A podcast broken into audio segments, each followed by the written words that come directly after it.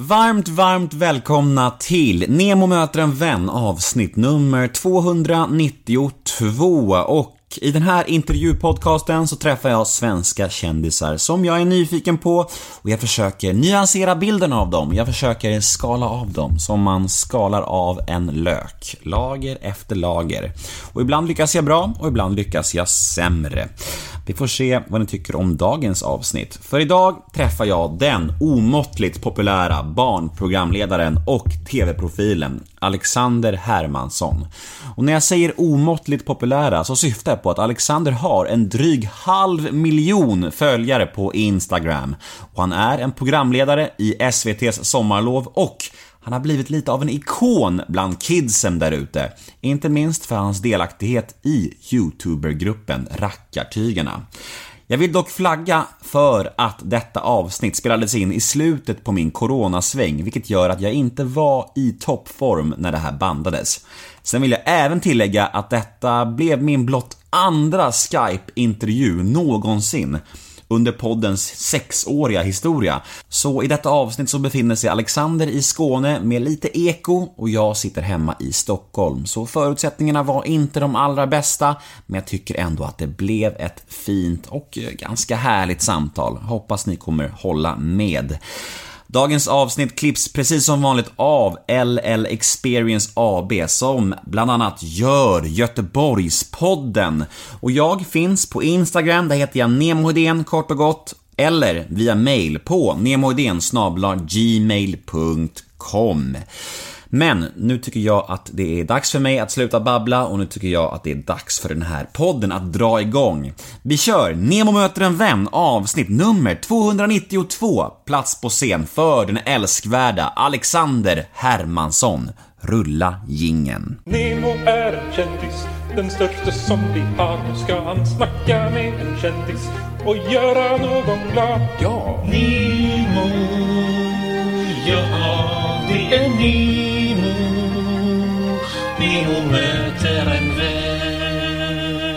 Nemo möter en vän med Alexander Hermansson. Hurra! Välkommen! Tack ska du ha, vad roligt att få vara med.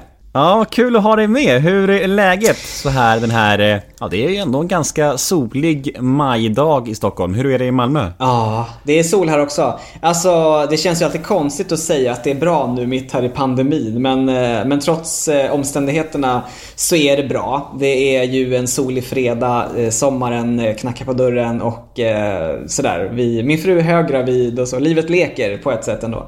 Men du, eh, Alex, det...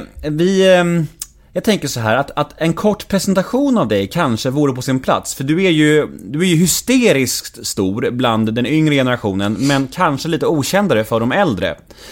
Eh, ja, Alexander Ken Hermansson heter jag. Jag kommer från Stockholm från början, men har bott i Malmö nu senaste 5-6 åren. Eh, jag var en av dem som var den här första generationen som eh, eh, upptäcktes på YouTube. Alltså jag var med liksom när man kunde bli upptäckt och, och känd och så på YouTube. Tillsammans med min eh, gamla extremsports och underhållningsgrupp Rackartygarna. Eh, det här var ungefär 2010 som vi startade då. Och eh, vi höll på där i några år och sen så, eh, en sak ledde till en annan. Och jag började jobba på SVT och göra barnprogram. Och främst härifrån Malmö. Och sen har åren bara gått. I princip. Jag, jag gifte mig med min fru Caroline 2016. Eh, som också, hon eh, har ju bott i Malmö hela sitt liv då. Så nu, eh, nu gör jag allt här nere, jobbar och har liksom min familj och sådär. Eh, så jag, jag är en malmöit numera. Men Eh. hur känns det då? Att, att, alltså jag som stockholmare, alltså no offense till hela Malmö, verkligen inte, men, men att flytta till Malmö från Stockholm, det är ju en, måste vara en stor omställning. Ja men det är det. Alltså de flesta gör ju tvärtom. De eh, flyttar från Malmö Ja. till Stockholm. Exakt, exakt. Det är många som frågar typ, alltså, va- varför? Var, varför flyttar du? eh, en stor omställning. Ja men det var det. Det var det verkligen. Jag hade ju tänkt, eh, jag hade planerat mitt liv in i minsta detalj när jag växte upp eh, och tänkte att jag skulle vara kvar i Stockholm och sådär. Eh, alltså det är ganska soft här nere folks, eh, alltså vad ska man säga, alltså hela viben. Inställningen hos människor och eh, attityden och så. Den, den kan ju vara, jag älskar Stockholm, jag kan sakna Stockholm. Men Stockholm kan ju ha en tendens att vara, ha en speciell eh, eh, jargong, inte minst i nyhetsbranschen. Det är mycket karriärsfokus och man armbågar sig fram och eh, jag är en av de som har lite lätt för att eh, dras med i det där. Att, att, att min identitet blir eh, vad jag har gjort, mina verk och att jag ska vara så het och känd och, allt det där. Eh, så jag, jag, funkar ganska bra i Malmö där man är lite utanför allt det där. Jag får göra min grej. Eh, men jag, jag behöver inte känna stress över att jag inte är ett av de här ansiktena på röda mattorna och influencer-eventsen och, och så vidare. Eh, men jag trivs bra här, verkligen. Men om du ska jämföra Stockholm och Malmö då. Vad är bäst och sämst med Stockholm och vad är bäst och sämst med Malmö? Åh, oh, vilken svår. Det här känns som att jag kommer, eh, kommer hitta på bättre svar eh, imorgon eh, än vad jag hittar på så här spontant. Ja, men Stockholm är ju, eh, det är ju en väldigt... Eh, det är en mäktig stad. Alltså den är ju så fin. Eh, det är så mycket som händer där. Eh, alltså den är ju full av möjligheter. Man kan ju ta sig väldigt långt. Om man eh, alltså, tänker, ja, alltså den är full av möjligheter karriärsmässigt i Stockholm. Nej men det jag inte tycker om i Stockholm, nej, men det är typ eh, avstånden också. Det tar ju en evighet att ta sig någonstans. I Malmö så är det ju, den är ganska lik Stockholm. Den har ju typ allt, men den är ju jättekomprimerad. Så här kan man ju bara ta cykel på fem minuter eh, så är man framme typ vart man än ska. Det är ju grymt. Och negativt med Malmö eh, Ja, jag har mycket kompisar kvar i Stockholm och släkt och familj. Eh, så man kan ju känna sig sådär, du vet, lite alltså, utanför på så vis eh, här nere. Mm. Mm, det skulle jag säga. Men du, eh, när jag säger att du eh, är en barnstjärna, är det någonting som, är det någonting som i dig så, då som känner så här att en längtan efter att liksom locka en äldre publik också? Eller är du, är du bara helt nöjd med att vara liksom lite mer barnstjärna? um, I grund och botten så, så trivs jag jättebra fortfarande att, att vara en eh, alltså, så kallad barnstjärna. Ja, men vad ska man kalla det då? nej, jag vet inte. Nej, jag vet inte heller. Jag har också så här försökt hitta ett bra ord. Eh, nej, men det är väl någonstans så det är. Eh, men jag har väl eh, i takt med att jag själv har blivit äldre har jag blivit mer och mer sugen på att, eh, att höja målgruppen också. Men, eh, men det är inte så att jag har cravings för det. Alltså det kommer lite smygande så det känns ju naturligt. Det är många som har gjort den resan. Man börjar i barnprogram och så blir man själv äldre i takt med tittarna. Och till slut så gör man vuxenprogram liksom. Men, eh, men jag trivs så himla bra att vara där jag är fortfarande. Det har ju gått, nu har det gått typ 5-6 år. Men det känns som att jag också, jag blir så duktig på det. Alltså jag, jag har ju lärt mig att eh, Alltså det, det jag gör på jobbet eh, tycker jag att jag gör så bra och eh, sen hela den biten med att eh, känna att jag får lov att vara en förebild för barnen betyder ju nästan allt mer och mer för varje år som går. Och eh, att handskas med eh, att barnen känner igen en. För det tror jag är ganska stor skillnad om man har en vuxen publik. Jag tror vuxna, de är ju... Alltså de kanske säger någon kommentar eh, berömmer den eller du vet, alltså de vinkar lite. Men barn är så här, de, de vill ju liksom nästan hoppa upp i famnen på en. Eller, de har ju inga gränser, de har inte lärt sig det där än. Så det kan ju vara jättepåfrestande på en dålig dag. Och det tar tid att lära sig att handskas med det där. Men jag tycker jag blivit så pass bra på det att det känns nästan onödigt att bara lämna det nu och, och gå över till liksom att göra vuxen-TV. Mm. Du, visst, visst är väl ändå det här din första podden du gör? Eller jag, jag sökte på ditt namn i podcastappen och jag hittar typ ingenting. Stämmer det eller? Ja, det kan absolut stämma. Eh, jag har ju fått förfrågan eh, liksom då och då genom åren, men det har typ aldrig blivit av. Alltså det har ju varit typ fullt schema i sex år känns det som.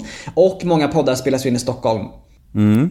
Men nu ska säga så här, jag har fått mycket frågor genom åren men jag har ju väntat på frågan från din podd Nemo, det är så du ska säga. men du, det ska jag ju erkänna, jag har ju haft ögonen på din podd jättelänge och hoppats att, eh, att få förfrågan en dag. Men sen har jag liksom gett upp och tänkt att han kanske inte har koll alls på vad jag gör. Jag kanske liksom, du vet, aldrig når fram till han för att det är en annan målgrupp. Jo då, jo då. Det, du har nått in i min sfär. Det är inga, Yes. det är inga konstigheter. Schysst, pluspoäng. Svårt att missa. Men, men, men vad har du för relation till liksom, intervjuer? Det här som vi ska göra nu, att prata om dig liksom i, i en timme. Ja men både och. Jag tycker att det är jättebefriande och skönt att bara prata loss.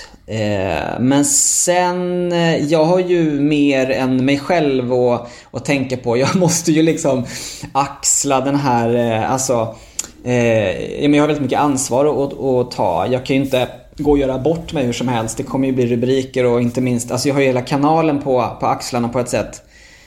Eh, så jag måste ju alltid eh, alltså, tänka på hur jag framstår och säger och eh, sådär. Inte klanta mig eller ja, du vet. eh, Det kan ju bli fel liksom. Ehm, Så jag har också försökt att sådär vara försiktig, eh, tror jag.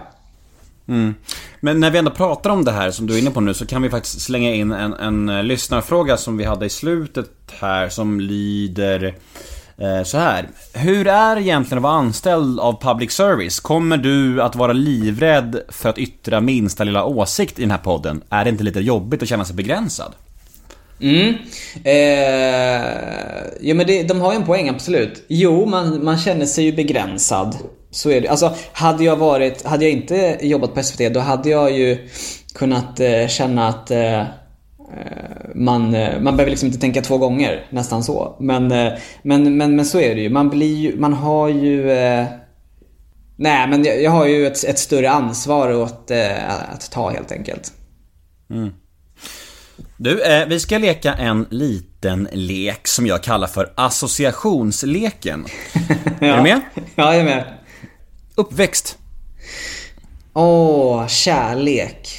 Eh, hade jätteroligt och mycket, nej men det är mycket bra känslor. Jag hade så mycket, det var så, så lekfullt och kul eh, hade jag. Så, en sån uppväxt vill jag eh, ge mitt eh, eget barn, känner jag. Du känns ju som en otroligt trygg eh, kille. Alltså, det känns som att du har haft en lycklig och väldigt trygg uppväxt. Eh, ja. Ja men det, ja det, alltså i, i, ingens uppväxt är ju såklart perfekt. Det är, ju- men, eh, men, men, eh, men jag är jättenöjd verkligen. Alltså när man, speciellt när man börjar höra sig runt, jämföra. Alltså det, folk har ju så himla olika historier där. Nej, men det är lite så kanske det är.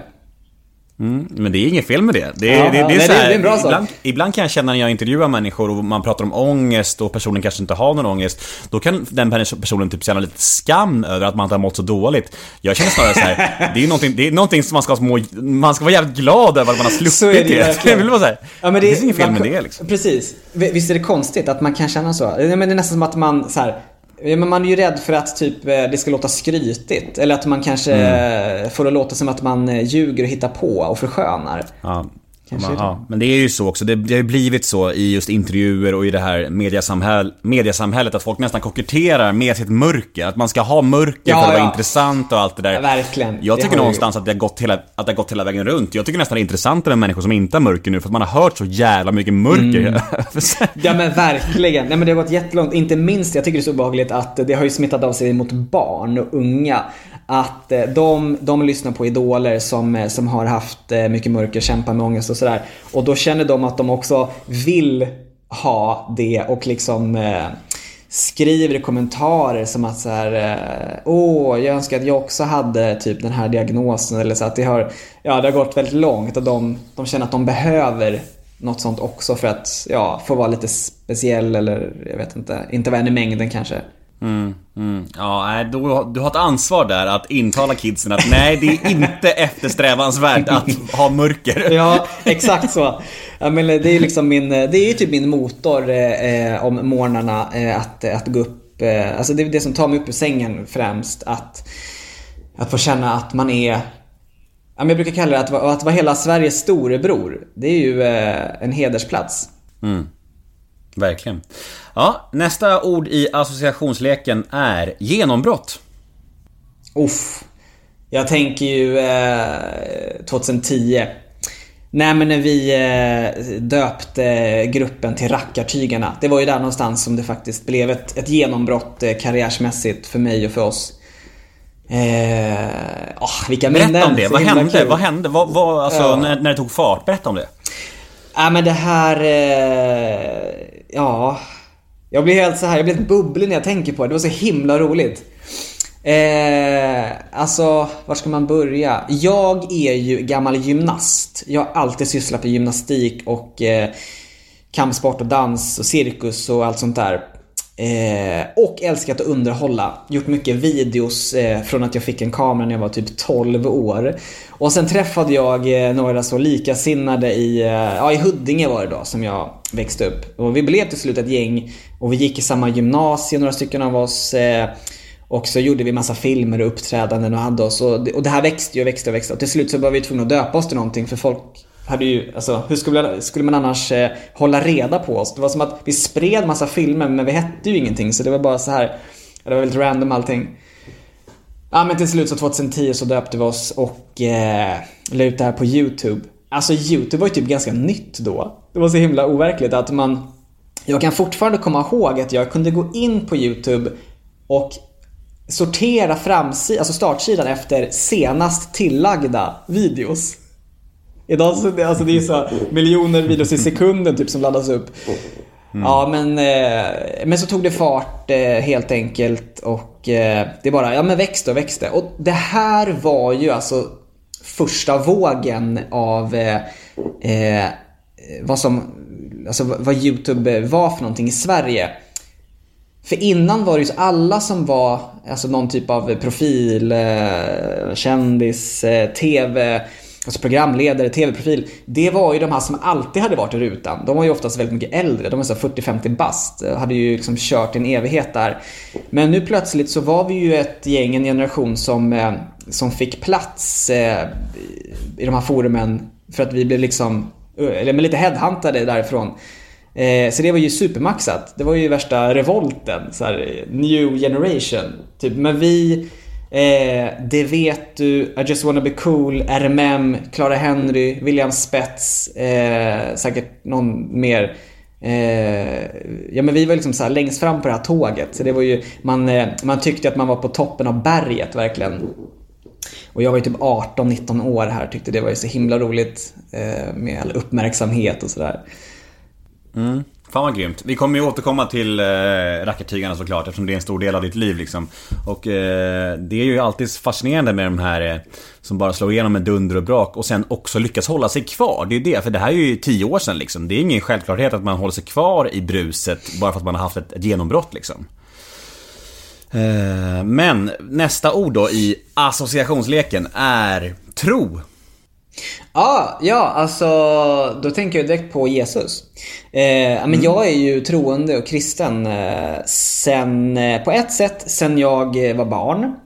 Eh, min, eh, min pappa är kristen. Så han, mamma är inte kristen.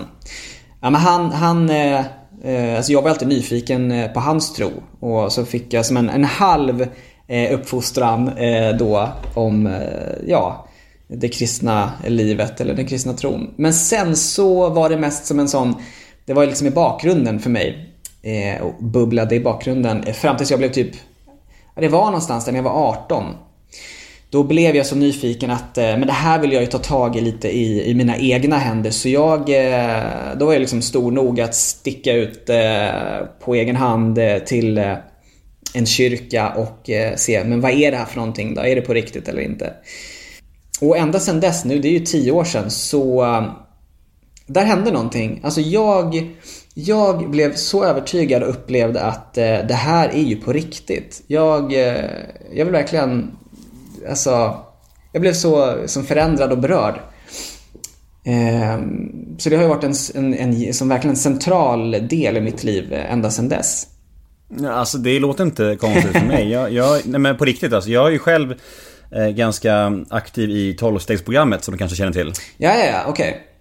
Så att vi har, så jag jobbar ju, alltså jag eh, har ju en bön över hela min rygg till exempel. Eh, sinnesrobönen över hela min rygg liksom. Jaha. Så jag har ju en, en, en tro också. Eh, inte, inte en religiös tro kanske, men en andlig tro absolut. Och jag, jag lever med mina böner och min meditation varje dag, varje morgon och varje kväll liksom. Som är en del av mitt tillfrisknande i mitt eh, gamla missbruk liksom. Så eh, när, när du pratar om din tro så det är inte flummigt, det är snarare jävligt inspirerande och häftigt och jag kan och jag, jag, jag skulle vilja lyssna mycket, mycket mer, men för lyssnarna kan jag tänka mig att det, att det blir så här, vissa säger jaha, vad är det för hokus pokus det där? Det, så är det ju oftast på människor som inte känner till som inte har upplevt det liksom. Men, men jag personligen tycker det bara är härligt att lyssna på. Det ska du veta. Ja men vad kul. Vad kul att höra. Jag visste faktiskt inte om det med, eh, med, din, eh, med din tatuering framförallt. Det, det säger ändå en del. Ja, häftigt. Ja, men verkligen. Så den där just sinnesrobönen har ju betytt supermycket för mig. Liksom. Det är en bön som jag drar för mig själv eh, varje morgon, varje kväll med, med min sambo som också älskar den liksom. Eh, Så, eh, nej men det är bara mysigt tycker jag. Så, vad vi, vi, får, vi, vi, får ta ett, ett, ett samtal utanför podden om, om tro och andlighet någon, någon dag bara. Ja, lätt. Jättegärna. Eh, ja, nej, nä, nästa ord eh, på den här leken då är offentligheten. Mm. Ja, vad ska man säga? Många tankar som dundrar in samtidigt. Ja, men jag har väl en... Eh, en liten, men som en hatkärlek till det kanske. Eh, min bild är att det blir ju ofta så efter tillräckligt lång tid. I början var det ju supermaxat. Och jag älskade ju att, eh, att vara offentlig. Men sen tror jag att, alltså jag tror inte någon människa är skapad för att ha eh, den, alltså mer än normalt mycket av uppmärksamhet. Det tycker jag är jättetydligt. Det, det tar ju bara en minut att förstå det om man liksom söker runt på nätet vad som händer med folk som får för mycket uppmärksamhet. Eh, folk i Hollywood mår ju skit eh, och så. Folk liksom tar ju självmord till höger och vänster för att det blir för mycket av, av det här. Eh, men, men i Sverige så funkar det ändå ganska bra. Vi, alltså, vi är ju ganska softland, det bor ju inte så många här. Eh, jag tycker det, det kan vara rätt eh, häftigt och kul. Man får ju mycket komplimanger, folk kommer fram och det är som att hela Sverige känner en på något sätt fast man inte behöver känna dem tillbaka. Och de eh, ja, men säger oftast bara bra saker. Men sen är det ju det här med att eh, man ska orka också. Det tar ju alltid lite energi så fort det är något typ av eh, bemötande eh, ute på stan eller så. Eh, och alltså ibland så finns ju energin bara inte där. Man vill vara i fred eller så är man sjuk eller har en dålig dag. Ett viktigt samtal med någon som man går med eller telefon och så. Eller det passar liksom bara inte. Då kan det ju vara eh, jobbigt. Eh, det är lite klurigt också det här med att, eh, att det är främst barn som målgrupp. För barnen, de har ju liksom inte utvecklat eh, den där känslan än. Är det läge att gå fram eller inte? Hur länge kan jag stanna kvar? Vad kan jag be om för någonting? De har, de har ingen spärr liksom. Nej, och det, det finns ju en jätteskärm med det också. Eh, Det är ju verkligen inte deras fel. Eh, Och inte minst, alltså föräldrar som har barn och vill göra allt för sina barn. Det i sig tycker jag är jättevackert. Men de eh, kan ju absolut vara mycket värre än barnen som kommer fram själva. De, alltså vuxna står ju för, för de liksom majoriteten av gångerna som, som folk kommer fram och det absolut inte passar sig. Eh, och som har liksom, ja, ingen bra taktkänsla så att säga. Så överlag så trivs jag med att vara offentlig. eh, Så skulle jag kunna säga. Ja. Huddinge. ja. Alltså jag har så mycket roliga minnen från Huddinge. Jag kan verkligen sakna Huddinge. Jag trodde jag skulle bo kvar där, typ för resten av mitt liv när jag var tonåring. Ja men jag växte ju upp där i, i Myrängen eh, rättare sagt. Eh, det var ju häftigt för att alltså Huddinge var ju, det var ju så nära Stockholm och stan och sådär. Så det kändes ju som en, man liksom en del av, av storstan. Men, men Huddinge var ju också en liten klick sådär. Man kände ju typ alla. Mycket roliga och bra minnen har jag från Huddinge. Motgångar slash svackor. Ja, men två olika perioder tänker jag på direkt. Eh, för det första var ju när jag bröt min rygg. Eh, 2010 tror jag att det faktiskt var. Alltså det var ju en ren olyckshändelse. Eh, men det var ju första gången som jag eh, fick någon typ av eh, eh, ja, men motgång också så här, lite reality check. Jag, eh, också som så många andra, när man är liksom så ung kille, livet leker. Man tror att man är odödlig. Eh, inte minst när det börjar gå bra för en i, eh, liksom, i karriären och så. Men, men så, så, bry- så bryter jag ryggen. Jag som har varit så fysisk hela mitt liv och gjort massa volter och cirkuskonster och så blir det bara som att, ah shit, hit men inte längre. Just det, jag, jag är ju inte odödlig. Jag kan ju tappa allt det här över en natt. Eh, det blev ett, liksom ett uppvaknande utav det. Som tur var så gick det ju jättebra. De opererade ryggen efter ett tag och eh, det tog en sommar, sen var jag tillbaks. Men det var ändå första liksom, eh, ja, första smällen så att säga. Den andra gången var ju eh, 2015. Det här var ju, ja men strax efter Let's Dance. Eh, som jag var med i då, den säsongen. Alltså det var så mycket i, i rad från att vi eh, ja, startade Rackartygarna. ända fram tills det. Det liksom bara ett enda långt race utan paus typ. Jag trodde typ inte att man behövde semester förrän man var 40 bast eller någonting. Jag tänkte att semester det är för, det är för vuxna liksom.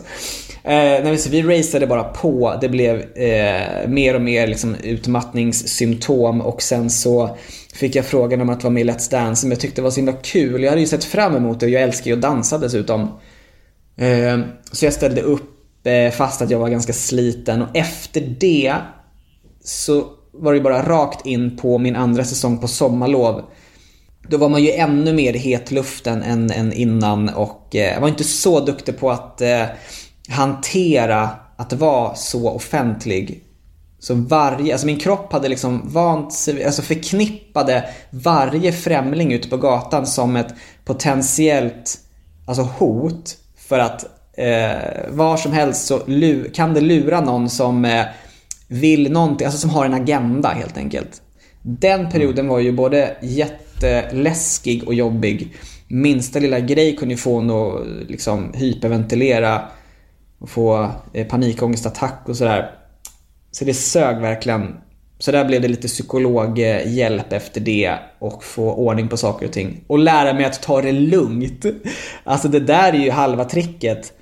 Eh, men jag hade ju också skapat en bild av mig själv. Alltså nästan som en... Jag hade ju typ som byggt upp en karaktär som jag, eh, alltså, med den snubben jag var i, i TV-rutan. Eh, som är kanske, ja men du vet, en liten liksom, uppskruvad variant av en själv som man är privat när ingen är med. Eh, och så trodde jag att alla som kom fram alltid förväntade sig att jag skulle vara den här människan och göra bakåtvolt typ, du vet, direkt och vara helt så här helt vild. Eh, men så lärde jag mig att eh, alltså det räcker med att man, man har typ så här 20% eh, igång av sig själv. Folk kommer liksom inte bli besvikna. Det räcker med att man är helt privat och lugn. Man kan få lov att vara tråkig och ha tråkigt och det kommer bli hur bra som helst. Så då fick jag hämta tillbaks energin efter det. Alkohol. Ja, alltså... När jag bodde i Huddinge framförallt, eh, där någonstans, eh, så festade vi ju, hade oss eh, jätteroliga minnen. Men jag har faktiskt alltid, eh, för det första är jag ganska lättpåverkad. Eh, jag, eh, eh, ja det har jag alltid varit. Men sen har jag, alltså jag har aldrig gillat att eh, vara eh, speciellt påverkad. Jag trivs typ inte att dricka speciellt eh, mycket ofta. Eh, alltså det gör mig inte så mycket att folk runt omkring mig eh, är det. Alltså på en fest eller så. Men jag, jag har aldrig liksom fattat grejen med så här dricklekar och att folk hetsdricker och så här. Jag har alltid känt mig lite utanför där. Och varit den här som ofta, alltså på en fest, när man, när man ser sig omkring, när man typ är ganska nykter och alla andra är ganska fulla. Då känns det som att man är liksom en alien. Alltså så just alkohol, eh, det är inte riktigt min grej. Eh, Sen kan ju, att, att festa är ju kul. Det, det kan ju, det kan ju vara min grej, men, men inte alkohol. Alltså min fördom sa att du var helnykterist. Det är fler som har sagt det. Jag undrar om, om, om det har spridits någon så här, eh, alltså om det är någon som har trott att jag har sagt det och så har det liksom spridit sig på något sätt. Det var någon som typ så här skrev, alltså det var någon tidning som, som skulle göra ett reportage om nykterister och, eh, och skrev till mig så här, ja för du är ju nykterist. Men det har jag aldrig sagt eller så. Du, du, du kan be dem ringa mig istället. Ja, precis. Nej, nej, men det är väl det här med att du är barn, barnstjärna, barnstjärna och eh, din, din tro och sådär. Jag tror folk bara slår ihop det och an- antar att du är nykter. Jag vet inte, det kanske man gör då. Ja, Det måste ju vara det. Nej men jag tycker bara att det är en jättebra grej. Alltså jag skulle helt ärligt lika gärna kunna vara nykterist. Eh, ja, så det, nej men det tar jag bara som en komplimang. Det blir jag ju glad att höra. Veckans Nemo möter en vän görs i samarbete med Mendley. Och i dagens avsnitt så pratar jag med den fantastiska Alexander Hermansson om när han var nära på att gå in i väggen. Efter hans medverkan i Let's Dance så blev det helt enkelt för mycket jobb, för mycket stress och för mycket kändisskap på en och samma gång. Och Alexander var nära på att krascha helt. Och det där med att ta sådana där signaler på allvar, ja det är ju väldigt viktigt. Känner du dig stressad eller mår du bara dåligt? Ja, då finns Mendley som ett väldigt bra alternativ just för dig. Mendley är något så fiffigt som chattterapi direkt i telefonen. Ja, ni hörde rätt. Ni får alltså KBT-behandling med en legitimerad psykolog direkt i eran mobil. Kostnadsfritt, inga väntetider och du kan skriva till din psykolog exakt när du vill. Prova appen redan idag vet jag. Tack Mendley. Nästa ord eh, snuddade vi faktiskt vid nyss, men vi kanske kan utveckla lite kring det. Eh, Let's Dance. Ja. Ja men jag var ju med i Let's Dance 2015 och det var ju superroligt.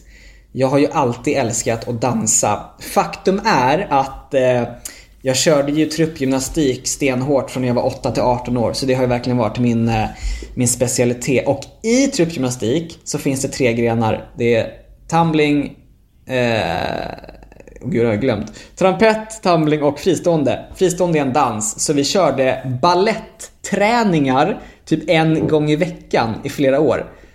Och det här, var, det här hade inte jag signat mig upp på, men eh, det liksom ingick. Så att vi, eh, vi, vi killarna där, vi, vi skämdes och körde liksom ballett i smyg där, för vi blev ju liksom halvt tvingade. Men jag var ganska bra på ballett och jag tyckte faktiskt att det var ganska kul efter ett tag. Eh, jätteroligt program. Det är verkligen en, eh, ett hamsterhjul. Det går otroligt fort det här hamsterhjulet. När man tar ett kliv in i, i den här produktionen då, då är man ju liksom, det är från 0 till 100. Högt tempo, eh, medierna har koll på en. Eh, sen när man åker ut, då, eh, då har hela Sverige liksom fortfarande koll på en ett tag. Men sen så svalnar det ganska fort. Men du kom fyra eller var det femma eller vad kom du? Fyra till, eh, vad blir det, Ja. kvartsfinal. Ja. Var du bitter att du inte kom längre? Nej, alltså, nej, inte bitter. Jag var jättenöjd av att eh, jag gick så långt. Men jag var snarare överraskad. Alltså jag trodde nog att jag skulle komma eh, en vecka till. Då låter det som att jag har så höga tankar om mig själv. Men, eh, men jag, tyckte, jag tyckte att jag, jag var ju så pass duktig rent dansmässigt. Och sen så trodde jag att jag liksom hade mer, alltså så här, för man röstar ju ändå. Jag Trodde jag hade mer av, av barnens röster som skulle ta mig ännu längre.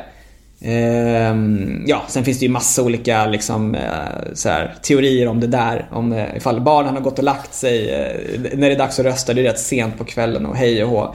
Eh, lite överraskad blev jag faktiskt. Men jag är så himla nöjd över att det tog mig så långt. Det var ju ett äventyr. Man, man har ju hört så mycket om Let's Dance och det här att det ska vara så mycket, alltså som ett eh, sexharem har man ju hört. Att, att dansarna och alla kändisar, ja, men det är så mycket romanser och sådär. Var det, nå- det här någonting du märkte av? Att det var mycket romanser och flingar där? Eller är det mest rykten tror du? Nej, alltså det här... eh, Enligt min uppfattning så är det här bara rykten.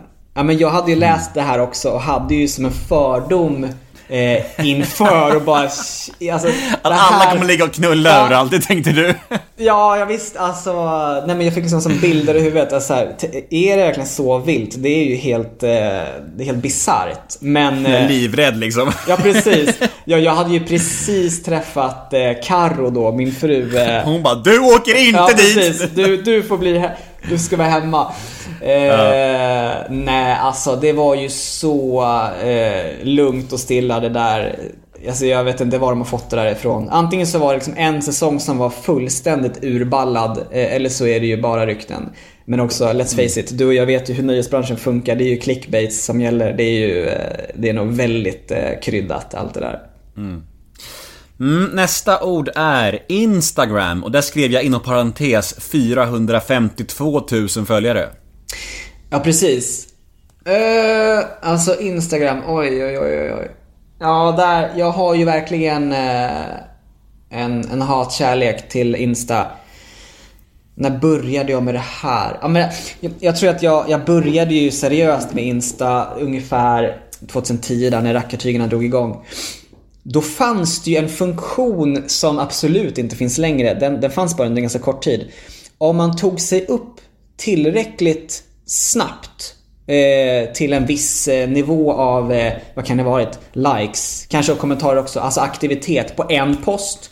Då hamnade man på en så här utforskarsida som var global. Så jag var precis eh, tillräckligt eh, högt upp där med följare i det liksom fönstret när den här funktionen fanns. Det var säkert bara i några månader. Så jag lyckades komma upp där typ så tre, fyra gånger. Eh, eh, och då, nej men du vet man kunde få hur mycket följare som helst på snabb tid. Folk kommenterade på så här grekiska och kinesiska. Det var helt otroligt vad fort det gick. Eh, de, och det som var bra, jag hade ju så mycket content som funkade för alla. Mycket häftiga liksom, gymnastgrejer och eh, ja, liksom musikvideoaktiga grejer. Så de behövde ju inte förstå svenska.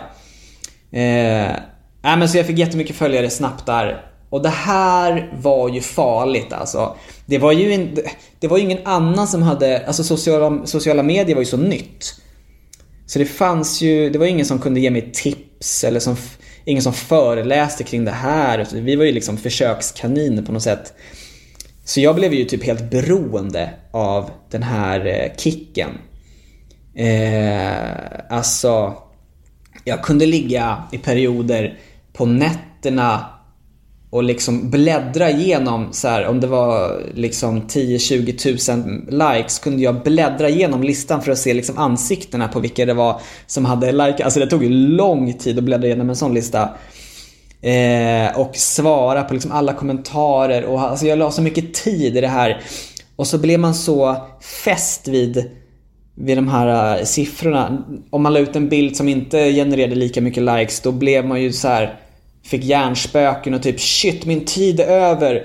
Jag, eh, jag är inte lika bra, lika mycket värd längre och... Ja men alltså min identitet låg i den här eh, appen idag, eh, eller sen typ ett år tillbaka, eh, kan jag kanske lägga ut grejer men, men sen, du vet, sekunden efter jag postar något så tittar jag inte på det förrän som flera dagar typ.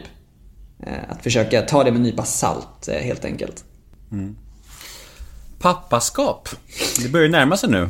Ja, ah, shit. Det är nästan när som helst eh, borde det vara.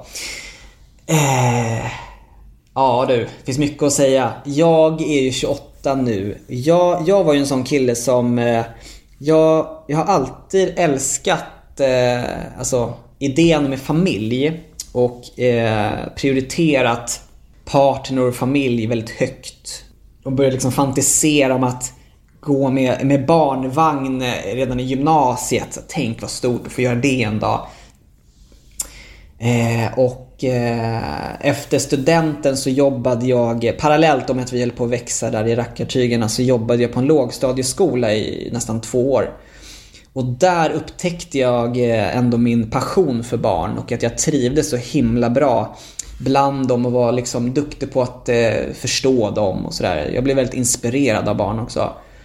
Eh, Ja men började längta efter att bli pappa ganska tidigt och snabbt. Men sen eh, hade jag ändå respekt för att säga, alltså, det är ju verkligen något som man inte bara kan alltså, skynda sig in i eller bestämma. Alltså det får ju komma när det kommer eh, såklart. Det ska ju vara naturligt så. Men, men jag har längtat väldigt många år efter det. Eh, ja, och nu är det snart dags. Det ska bli enormt eh, stort och häftigt. Jag har stor respekt för det. Ja, det finns mycket att säga. Det, det, det ska bli eh, otroligt häftigt helt enkelt. Fan vad kul. Jag är, jag är nästan ändå lite avis på dig att du har det framför dig. Att det, jag fick ju min andra ganska nyligen och det är ju också såklart skithäftigt. Men, men det är någonting som är som aldrig går att slå, att få det första barnet. Den, mm. den, liksom, den, den händelsen i sig och, och, och, För det är ju någonting som förändrar allt och den kraften och den lyckan och den... Alltså, den går liksom inte att jämföra med någonting. Det, det är så starkt så att liksom... Och det säger jag ändå av erfarenhet att ha provat alla droger i hela världen liksom. Ja. och det, är liksom, det här är så starkt liksom. Och just första barnet, första gången man håller det liksom. Det är... You're in for a treat, man säger så. Ja men shit vad stort alltså. Nej men det är också det alltså när folk berättar om deras erfarenheter då de målar upp en bild. Sen är det såklart att det ser olika ut för alla men, men oj vad det eh, det ska bli så spännande. Jag är ju en sån också, eh, ja i grund och botten så är jag ju en väldigt blödig person och väldigt eh, känslosam kille. men jag har ju alltid varit en sån där du vet som, som börjar gråta när jag ser bebisar. Alltså andras bebisar. Till och med bebisar jag inte ens eh, känner föräldrarna till. Mm. Spännande. Eh, nästa ord i leken. Associationsleken. Det är ju en succé än så länge. Ja. Nästa ord är pengar. Ja, det här är intressant. Alltså, man brukar säga att... Eh, vad är det nu? En människa har ju oftast en av de här tre svagheterna. Det är makt, pengar och sex. Det behöver ju kanske inte vara så för alla. Det kanske är något annat också. Men, men eh, för mig, då, det är ju pengar alltså. Eh, pengar hade kunnat vara min drivkraft, tror jag. Om jag liksom inte hade varit på min vakt eller försökt att bli medveten om det och eh, övat mig på att eh, inte hålla så hårt i det. Att, eh, att se det som att det liksom är det viktigaste i, i hela världen. Eh, men jag har väl en liten så skum relation till pengar. Jag tycker typ att det är svårt att prata om pengar. När folk sådär börjar prata om eh, hur mycket man har lagt på någonting. Eh, om man, typ, jämför typ löner. Eller vad, någon, vad någons kompis tjänar. Alltså så fort man börjar prata om pengar så tycker jag typ, typ det, det blir obekvämt. Och Det vet jag inte alls vad det bottnar i för det, det borde det ju inte vara. Det är ju det är ju väl som att prata om vad som helst. Nej men så jag, jag var väldigt sådär du vet, räknade varenda öre eh, när jag var yngre. Eh, jag blev bättre på det där. Att eh, försöka att eh, bara ta det med en nypa salt. Eh, se det som ett, ett medel att få liksom lite, ja men för att få dagen att gå runt på något sätt. Och inte eh, att det är det, det är det viktigaste i, i hela livet. Mm, jag fattar. Eh, sista nu på associationsleken är faktiskt en mening och den lyder att vara en förebild. Och då tänker jag lite på det här som du var inne på förut, det här med att eh, du eh, kan känna dig iakttagen ibland, att du när du möter folk i vardagen liksom att du ibland inte är på ditt bästa humör. Och eh, hur är det? Alltså, att, kan du känna en press på att du måste vara en bra förebild och trevlig mot alla för att annars sätter igång ett, liksom ett, eh, ett snack om dig att du liksom såhär Alexander Hermansson är inte så trevlig IRL eller liksom så här, hur tänker du kring det? Kring det? där? Ja, men i allmänhet så... Jag trivs väldigt bra att, att vara i den rollen att jag eh, är en förebild. Eh, jag tycker att, alltså jag får ju en kick av det. Jag känner mig ju behövd och viktig. Det är väl som att, eh, alltså gissar jag, om man är förälder och ens barn eh, liksom behöver något och man, man hjälper dem med det. Då känner man ju sig, eh, man känner ju sig jätte, liksom, behövd och viktig. Det finns ju mycket extra krafter i det.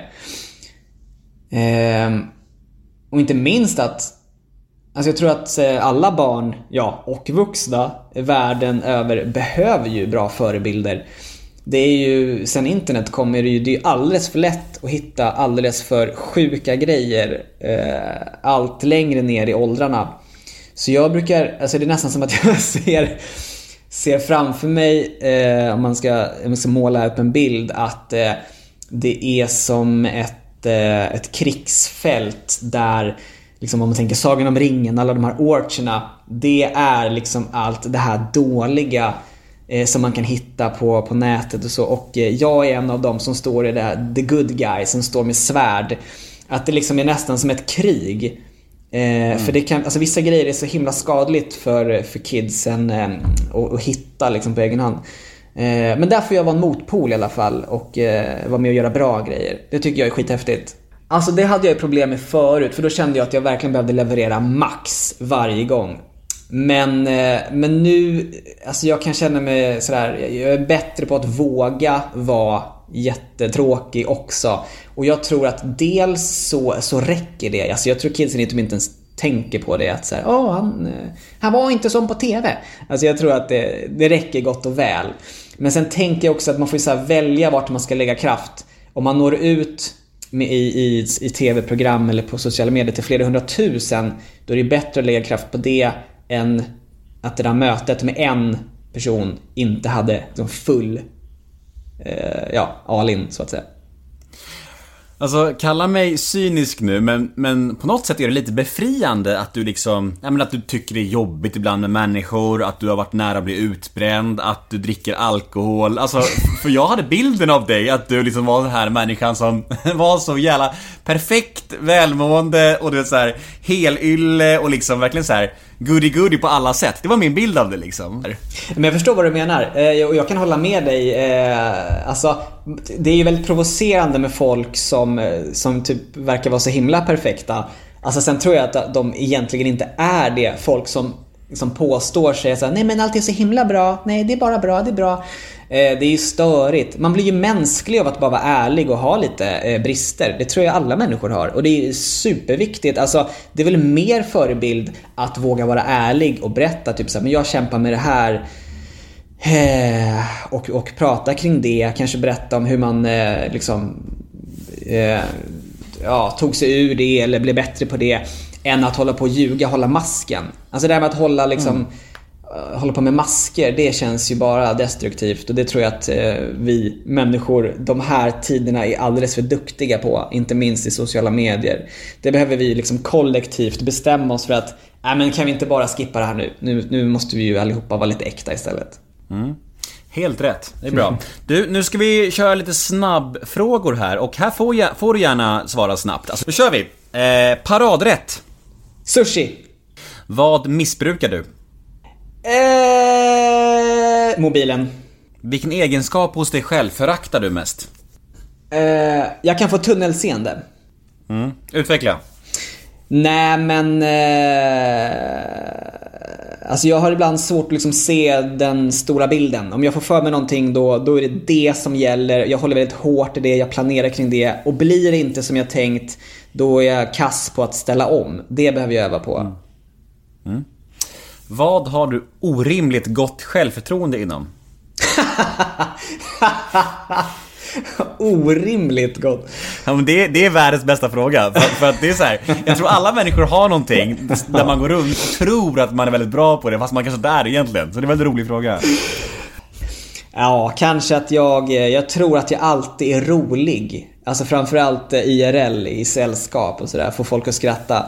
Eh, alltså jag, jag, tycker att jag har, jag har lätt att få ett sällskap att skratta men, men det, säkert så, så kan jag ta det för långt och du vet man håller på så här matar och matar massa kommentarer och till slut så är det bara så här sympatiskratt kvar. Det, och så, och så, eh, så tänker jag på det här liksom en vecka senare och inser att äh, det kanske, jag kanske inte, jag kanske tog det lite långt där. Ja. Ångesttrigger? Att bli orelevant. Mm. När grät du senast? alltså det beror ju på vad man räknar men eh, eh, ja. Grät för att jag var ledsen, det var nog ganska länge sedan. Men jag, jag, eh, jag får ju eh, tårar för att jag blir rörd väldigt ofta den senaste gången, alltså det var ju bara en kvart innan eh, det här samtalet. När jag gick in i vårt rum och min fru hade ställt fram spjälsängen in i vårt rum. Då fick jag tårar i ögonen för att det var, mm. det var bara stort och fint helt enkelt. Ja men du får ju tårar i ögonen nu, jag ser det. ja men det är, jag förstår ja, det också. Ja. Alltså, det, är, det är helt rimligt alltså. Det är, det jag tycker det är något konstigt. Ja. Det är fint. En man i kontakt med sina känslor, det är inte dumt det alltså. Nej, jag, jag trivs med det, det, det ska jag säga. Ja, men det är bra. Eh, vad lägger du mest pengar på?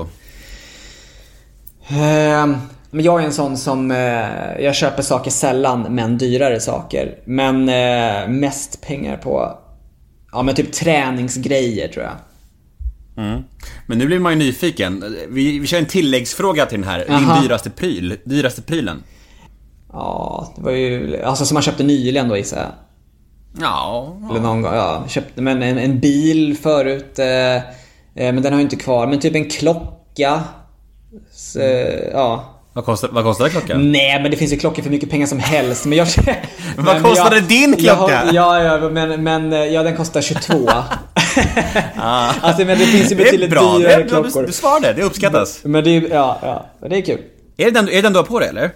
Eh, nej, faktiskt inte. Alltså faktum är att eh, jag sålde av den klockan efter ett år, vilket var ju ganska nyligen. För att jag insåg att Mm. eh, jag tycker inte att det rimmar så bra med att ha nyfödd. Alltså, det, behöva vara rädd om en, om en klocka när man ska bära runt på den. Nej, det, det tyckte jag var, kändes Nej, det kanske finns en viss poäng i det. Ja. Eh, när sa du förlåt senast? Alltså, nej men det måste ha varit typ i, ja igår säkert. Eh, alltså jag och min fru, eh, vi, eh, vi har ju en jargong där vi försöker säga förlåt jätteofta. Alltså man har lätt för att säga förlåt. Att det inte behöver vara en laddad grej utan man, ja, att det är något som ska vara nära till hands. Eh, nu eh, försöker jag ju att serva henne eh, nu när hon är så här gravid. Eh, Eh, Eh, Men serva henne med allt hon eh, liksom behöver och vill och sådär. Och ibland så blir det ju fel. Eh, inte minst nästan varje gång på inköpslistor eh, med mat. Kommer hem och så du vet, eh, jag har missat något eller så är det fel liksom, eh, märke på något. Eh, då känner jag mig så eh, liksom, dålig. Så då säger jag förlåt. Jag kan relatera till det. Förvånar mig inte. Eh, vad oroar du dig för mest? Ja men framtiden. Tror jag. Alltså det är en stor fråga. Det är väl inget jättespecifikt just nu. Det kommer ju liksom i perioder att man har olika grejer. Men, men framtiden överlag. Eh, den är väl mest orosväckande. Vad tror du andra människor tänker på när de tänker på dig? Och då menar jag både som offentlig person och dina privata vänner. Oj. Jag hoppas att jag är, är rätt... Eh, alltså... Att jag har rätt bild av mig själv eh, som de har. Eh, eh, ja... Nej, men jag hoppas att de tänker på en, eh, en kille som är ganska enkel. Lättroad. Eh, liksom framåt och, och så. Bubblig. Det är så jag hoppas att jag framstår i alla fall. Men pratar du om dina privata vänner nu eller pratar du om, om eh, dina fans? Ja, nej men både och kanske. Ja. Mm, Mm, funkar. Eh, och sista snabbfrågan lyder Vad kommer du aldrig förstå dig på att andra människor tycker om? Oh my god. Men vad då? Det här kan man ju... Det finns ju de sjukaste svaren på den här frågan. Eh, som jag inte ens eh, vågar säga knappt. Ja... För då blir SVT arga. Ja men alltså typ, så jag bara ser rubriker framför mig att man ens liksom öppnar en sån dörr. Men det finns ändå Eh, mycket här. Det är, det. det är ofta ja. en sån grej man tänker på att hur fan kan det här ha blivit en stor grej liksom? Så tänker man ju ofta om saker liksom. Mm. Men att slåss. Alltså, och då tänker jag också, och du vet liksom hur vanligt det är att, att vuxna slår barn. Eh, att hålla på på det sättet. Nej, alltså det, det, kom, det, det får in- bara inte plats i mitt huvud. Och det tror inte jag att det får plats i de flestas huvuden. Men det finns ju alltid rötägg i alla områden. Avslutningsvis så ska vi damma av några lyssnarmail. DM nummer ett lyder så här. Hej Alexander! Eh, Jag har läst att du bara är 165 cm lång. Har du någonsin haft komplex för din längd? Har det här någonsin varit ett problem för dig? Vilken bra fråga. Det har jag absolut haft. Jag har ju eh, mer eller mindre varit den kortaste killen i, eh, i min ålder, alltså klass, eh, bland alla mina liksom, klasskompisar och sådär, eh, i hela mitt liv. Jag, nej men det tyckte jag ju var jobbigt eh, när jag var yngre såklart. Framförallt typ så här i tonåren. Då var det ju så himla viktigt att man skulle vara så cool, säga rätt saker, vara poppis och sådär. Det är sånt grupptryck från alla håll. Alltså grejen, det finns ju inte så mycket att göra åt det. Eh, det är ju som det är. Det är inget man kan liksom ja, förändra på en natt. Eh, det bästa man, det är ju att bara liksom släppa det. Eh, jag har ju alltid gillat att försöka alltså vara lite musklig. Gillat att träna, alltså det, man fick ju mycket muskler genom gymnastiken men jag, sen när jag började gymma så, så tyckte jag att eh, eh, det var väldigt kul när jag insåg att det liksom gav resultat, att man liksom blev, fick bli lite större. Eh, en teori jag har, alltså att det kan mycket väl bottna i det från början, att det var ett sätt för mig att bli längre. Fast på bredden då. Eh, ja. Eh, sen har jag ju haft intresset kvar eh, och jag, alltså, idag så älskar jag min längd. Jag skulle inte vilja vara längre faktiskt. Jag tror att jag försökte nog hävda mig extra mycket i tonåren eh, för att jag eh, känner mig så liten. Alltså ungefär som att om jag inte är extra tuff så kommer jag ju vara extra mesig i och med att jag är kort och, och liten. Så när jag kommer in i ett rum så blir det ju inte den här eh, automatiska respekten som när det kommer in en kille som är två meter lång. Tyckte jag i alla fall. Då. Sen glömde jag typ bort att jag var kort när jag blev äldre. Och idag, alltså sen jag har varit vuxen, så alltså jag, jag supertrivs med min längd. Jag tycker det, tycker det liksom är, det är lite kul att vara, alltså, ja, det blir lite identitet i det liksom. Mm. Din tjej, hur lång är hon? Prick lika lång. Ja, fantastiskt. Ja. Perfekt ju. Ja, ja, det, nej, men precis. Det, det är kul. Det är som två pusselbitar. Ja. Eh, DM nummer två. Hur ser framtiden ut för rackartygarna? Finns det någon? Eh, Jag har faktiskt inte 100% koll där eh, hur det exakt ligger till. De har ju en, alltså, eh, ska vi säga, namnet eh, och företaget finns ju kvar. Och de eh, åker runt och gör lite shower under det namnet, eh, tror jag. Eh, och sen finns ju YouTube-kanalen kvar fast under ett annat namn. De har liksom ändrat om namnet till Leva Loppan. Eh, och där gör de ju filmer ibland också och de är liksom lite, de har, de har delat lite på sig. Så det är liksom ena, ena gänget plus några liksom kompisar till dem då gör showerna och andra delen av gänget eh, gör ju filmer. Så det ser lite annorlunda ut. Jag vet inte vad de tänker för framtiden faktiskt. Eh, eh alltså för mig är ju de, de är ju mina kompisar. Jag är ju fortfarande jättenära dem. Träffar ju inte dem så ofta längre då men eh, eh, så ja, Men du inkluderar inte alls i, i gänget på något sätt? Det är inte så att du pratar om att göra något mer om det? Det, är liksom helt bortom allt rimligt tvivel? Liksom. Ja, jag tror typ det. Det hade ju varit kul, en, en rolig idé att göra någon slags comeback-video på YouTube eh, någon gång. Men det är typ det. Alltså verkligen, jag, jag, jag tänker absolut inte att jag ska eh, alltså, ta upp det och ha det som arbete på något sätt. Nästa mail kan vara lite för privat. Vi får se om du svarar på det här. Det vore kul om du kunde bju- bjuda på det. Men vi får se Aha. hur du ställer till den här frågan. Ja. Eh, nu blir du nervös. Du ser Ja, på det dig. svettig. Okej, eh, DM nummer tre lyder så här. Förlorade du oskulden med din fru? Nej, det gjorde jag icke. Alright. Mm. Eh, DM nummer fyra. Berätta om när du och din tjej träffades. Vem raggade på vem och var det kärlek at first sight? Ja, eh, vi träffades i en kyrka eh, sommaren 2014 i Malmö. Så jag hade ju bara fått nys om eh, en eh, liksom helt främmande kyrka som jag testade att gå i och där var ju Karo. Och hon såg att jag var ny och eh, tänkte att eh, ja, hon skulle hälsa på mig.